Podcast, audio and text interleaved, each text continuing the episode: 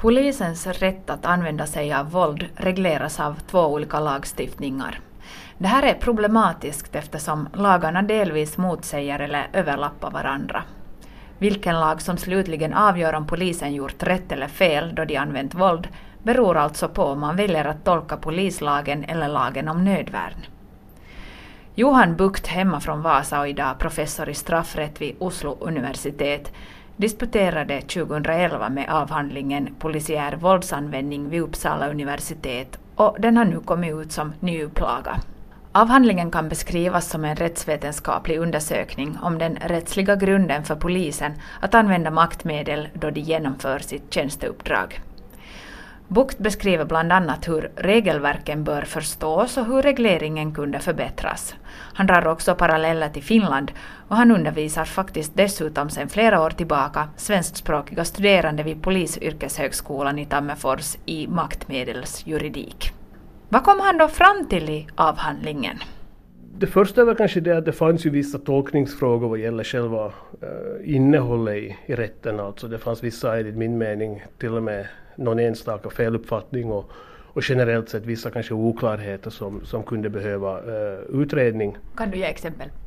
Ja, det gäller väl kanske hur man, hur man skulle förstå skjutkungörelsen. Det har, I svensk rätt har det funnits en sån, sån mening tidigare om att den så kallade skjutkungörelsen som då reglerar eh, svenska polisens användning av skjutvapen i tjänsten så, så innehåller också en, en nödvärnsbestämmelse vid sidan av laga befogenhetsbestämmelsen och att man har då haft den uppfattningen att nödvärnsbestämmelsen egentligen begränsar den allmänna nödvärnsrätten och att det här är då så att säga normteoretiskt problematiskt. Men, men min tolkning kanske var då att istället för att den bestämmelsen kan ses som en begränsning så är det kanske snarare att se som en utvidgning av nödvärnsrätten just vad gäller polismäns användning av maktmedel. Så att i de situationer som uppnämns, som räknas upp i bestämmelsen, så får normalt polismannen då använda skjutvapen i tjänsten. Så, och, och den andra delen, och det är kanske den som var, var, var den mest rättsligt eh, relevanta, så gäller då förhållande mellan eh, dels nödvärnsbestämmelserna och dels då polislagen. Och det som är problemet här enligt, enligt min mening är ju, är ju det att, att det finns en betydande överlappning. Och, och, och eftersom rättsgrunden både i Finland men också då i Sverige är ju, är ju så att säga dualistisk eller, eller bygger, står på två ben. Det vill säga man har å ena sidan befogenheter som är reglerade i polislagen eh, där man då räknar upp de situationer där polisen då Eh, som förvaltningsrättslig myndighet har rätt att använda maktmedel. Men i tillägg till det så har man då också rätt som alla övriga medborgare att använda nödvärn eller att åberopa nödvärn i situationer där man avvärjer ett angrepp som riktas mot sig själv eller mot andra. Problemet här är det att det som är tillåtet eh, skiljer sig mellan de här bestämmelserna. Så den polisrättsliga bestämmelsen är stramare än nödvärnsbestämmelsen. Och det har ju naturligtvis goda grunder för sig eftersom nödvärnsbestämmelsen är en undantagsbestämmelse. Och det här betyder samtidigt det att de här bestämmelserna överlappar varandra i flera olika situationer. Och det är inte optimalt. Hur kan en sån situation då tänkas se ut när det här inte går ihop? Nå, typexempel är ju det att polismannen ut, möts av någon typ av motstånd, alltså att han har, han har en, normalt en motståndssituation som då dels uppfyller villkoren i, i den polisrättsliga bestämmelsen men samtidigt också utgör en, ett, ett, ett angrepp enligt nödvärnsbestämmelsen. Och då blir frågan att vilken bestämmelse man använder så kan då också ange de yttre gränserna för hur mycket våld man så att säga legalt får använda och då tillåter nödvärnsbestämmelsen mer. Problemet här är ju det att de här två bestämmelserna har helt olika funktioner. Alltså nödvärnsbestämmelsen är ju ett undantagsbestämmelse för ja, för den vanliga medborgaren att i vissa undantagssituationer själv kunna använda makt mot en angripare. För att försvara sig? För att försvara sig. Man utvidgar alltså det, det, det tillåtna området i undantagssituationer. Den polisrättsliga regleringens funktion är ju att kontrollera den statliga maktutövningen mot enskilda. Så det är två funktioner som är helt och hållet olika och därför så passar de här egentligen ganska dåligt eh, ihop, eller, egentligen man, eller mer precis kan man säga att nödvärnsbestämmelsen passar ganska dåligt som ett, som ett grundlag för polisens användning av makt mot enskilda. Vi ska fortsätta tala med Johan Bukt efter en stund. Då får vi ett fiktivt exempel på hur det kan gå till då de här båda lagstiftningarna krockar.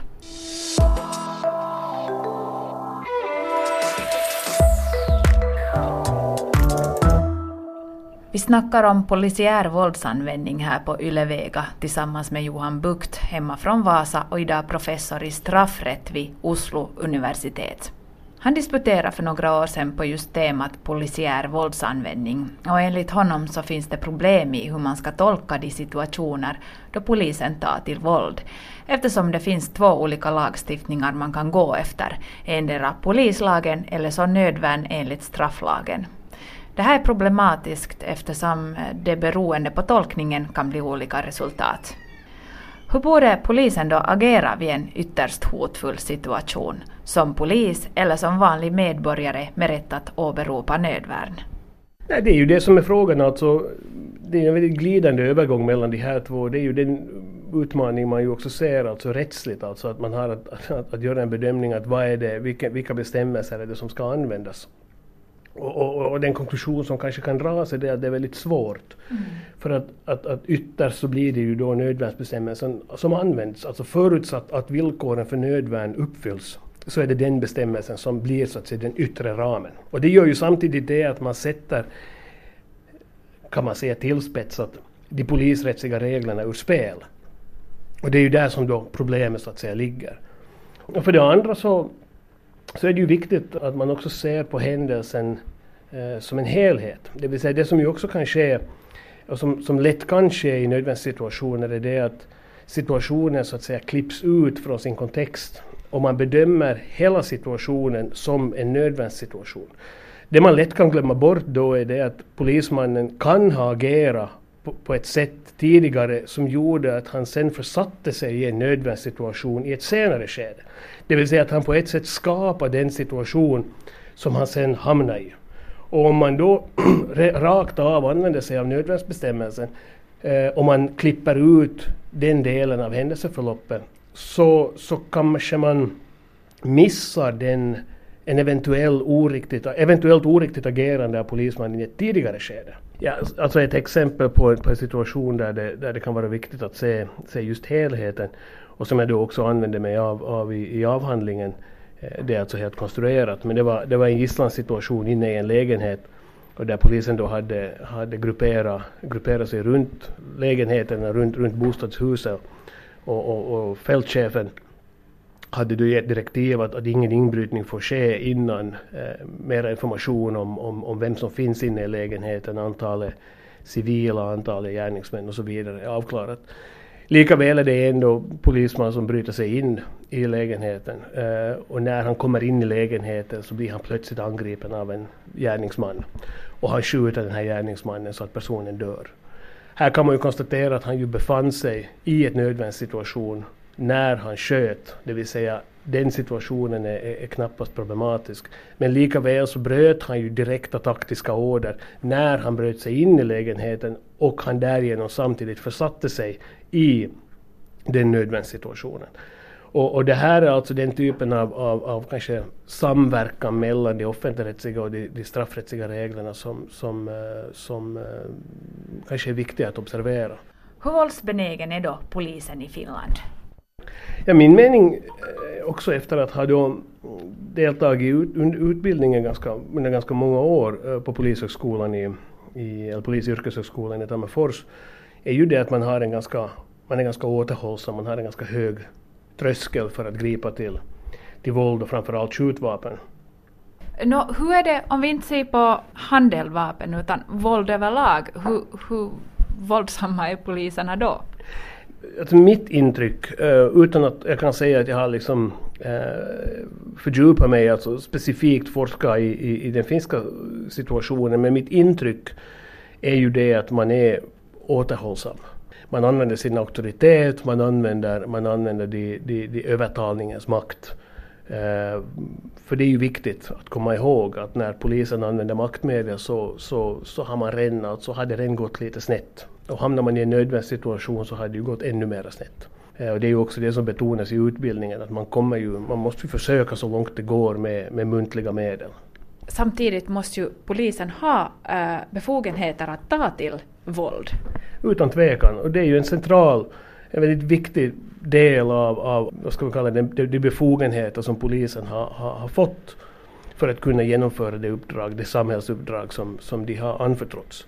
Och det är också viktigt att, att vara klar över det att, att det, vid utförande de uppgifter som polisen har, som ju många gånger är både otroligt utmanande och komplexa och väldigt snabba. Eh, det, det, det beslut hamnar att tas med bristande information under kort tid. Så, så finns det också risker involverade och de här riskerna kan också resultera i att folk dör. Samtidigt som det inte finns någonting man kan klandra polisen för. Så det är väldigt viktigt att man är så att säga klar över att, att det, det, det, finns betydande risker involverade och de riskerna har man då bedömt vara godtagbara. Det som ju är viktigt eh, eh lika väl är ju, är ju det att liksom hur, hur hanterar man de riskerna, hur omfattande risker är man, är man beredd att ta. Men på tal om risker, risker för missbruk då, att missbruka sin våldsbefogenhet? Det är precis därför som det är så viktigt att ha ett, ett, ett noggrant regelverk ett noggrant och, och, och specifikt äh, regelverk. Och, och, jag tycker att den finska regleringen är väldigt bra. Ja. Alltså, som sagt, efter att ha, ha sett både på den norska och den finska och den svenska så, så upplever, jag, upplever jag att den, den finska regleringen är, är, mycket bra. Så för att konkludera diskussionen om förhållandet mellan, mellan å ena sidan nödvärnsbestämmelsen och, och polisens maktmedelsanvändning så var det förslag som jag förde fram i avhandlingen att som kan uppfattas lite kontroversi kontroversiellt i vissa kretsar, att man helt och hållet borde så att säga avskaffa eh, nödvärnsrätten för polismän, det vill säga att nödvärnsbestämmelsen borde tolkas inskränkande vad gäller polismäns eh, i tjänst och att allt polis, polisiär maktmedel, maktmedelsbruk regleras inom, lagen, eh, inom polislagen. Och, och, och, det här betyder samtidigt också det att man, man kunde komplettera polislagen med en egen bestämmelse som skulle motsvara nödvärnsbestämmelsen i de situationer när polismannen själv utsätts för ett, ett plötsligt och oväntat angrepp. Alltså ett, ett, ett, angrepp som inte rimligen kunde förutses inom ramen för det tjänsteuppdrag som han var i. Och som också skulle möjliggöra för att då gå utöver de relativt strikta ramar eh, som gäller enligt den, den vanliga försvarlighetsbedömningen enligt polislagen.